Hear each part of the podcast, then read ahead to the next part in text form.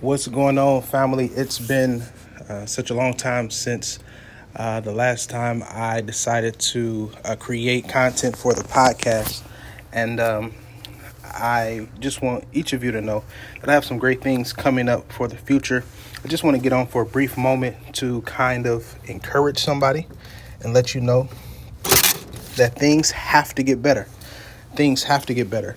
Um, and that's for anybody who is in a season of uncertainty and don't know uh, how uh, how your life is going to pan out and turn out. And somebody may be going through a, a, a season where they need some encouragement. I want to tell you to hold on and that God has not forgotten about you.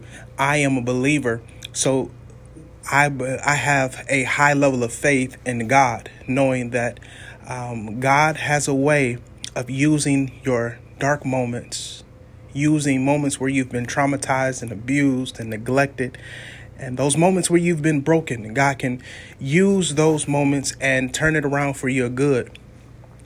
Oftentimes, God uses these moments uh, to strengthen us, to bring us into a better place so that we can know and look back over our life and say, Yeah, I was going through a dark season, but God brought me out.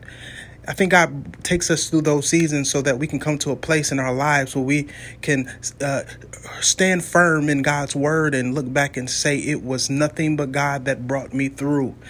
I don't know about you, but I'm a spiritual guy and I look through a spiritual lens. And a lot of times when I'm observing the life of other people, some people look at life through a natural lens. They, they, they are pessimists, and some people have these moments where they can't identify what's going on. And for me, uh, when when when when I'm going through, I'm I'm I find myself trusting and standing firm in God.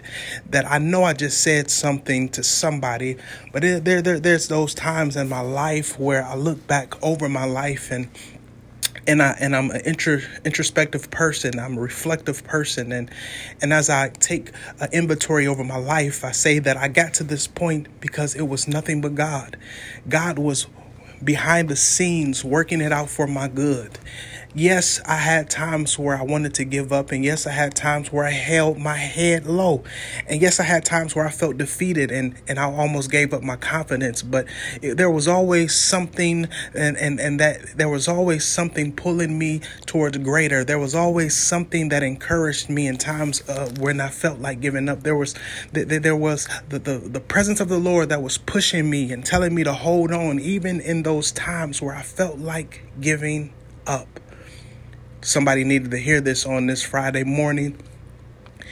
That yes, you may be going through something and yes, it's okay to express and feel the emotions. One of the things I want to encourage people to do is to not suppress the emotions that God has given you. God has given you emotions and and he has given you feelings. He there there are times you're going to feel guilt. There are times you're going to feel shame and hurt and you're going to feel lonely.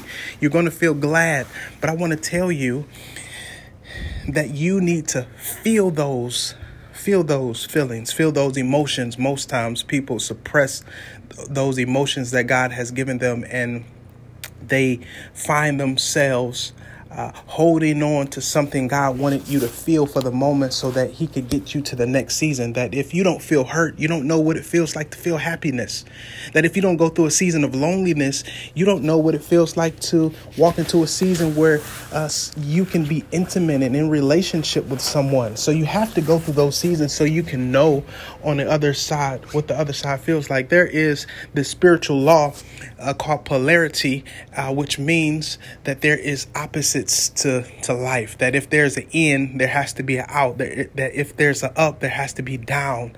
That if there's a front, there has to be a back. So there it comes. Life comes with the, the opposites of each other. That when you feel loneliness, you have to know the other side of loneliness is to be an intimate relationship. And I just want to tell you do not suppress those feelings, work through them, embrace those emotions create a safe space to uh, reflect, a safe space that helps you to uh, endure the emotions and, and, and, and work through those emotions. But I want you to come out on side of this, on on a, on a positive side, on a victorious side, and I need you to know that you can come out victorious because I'm a believer. So my belief is in Jesus Christ.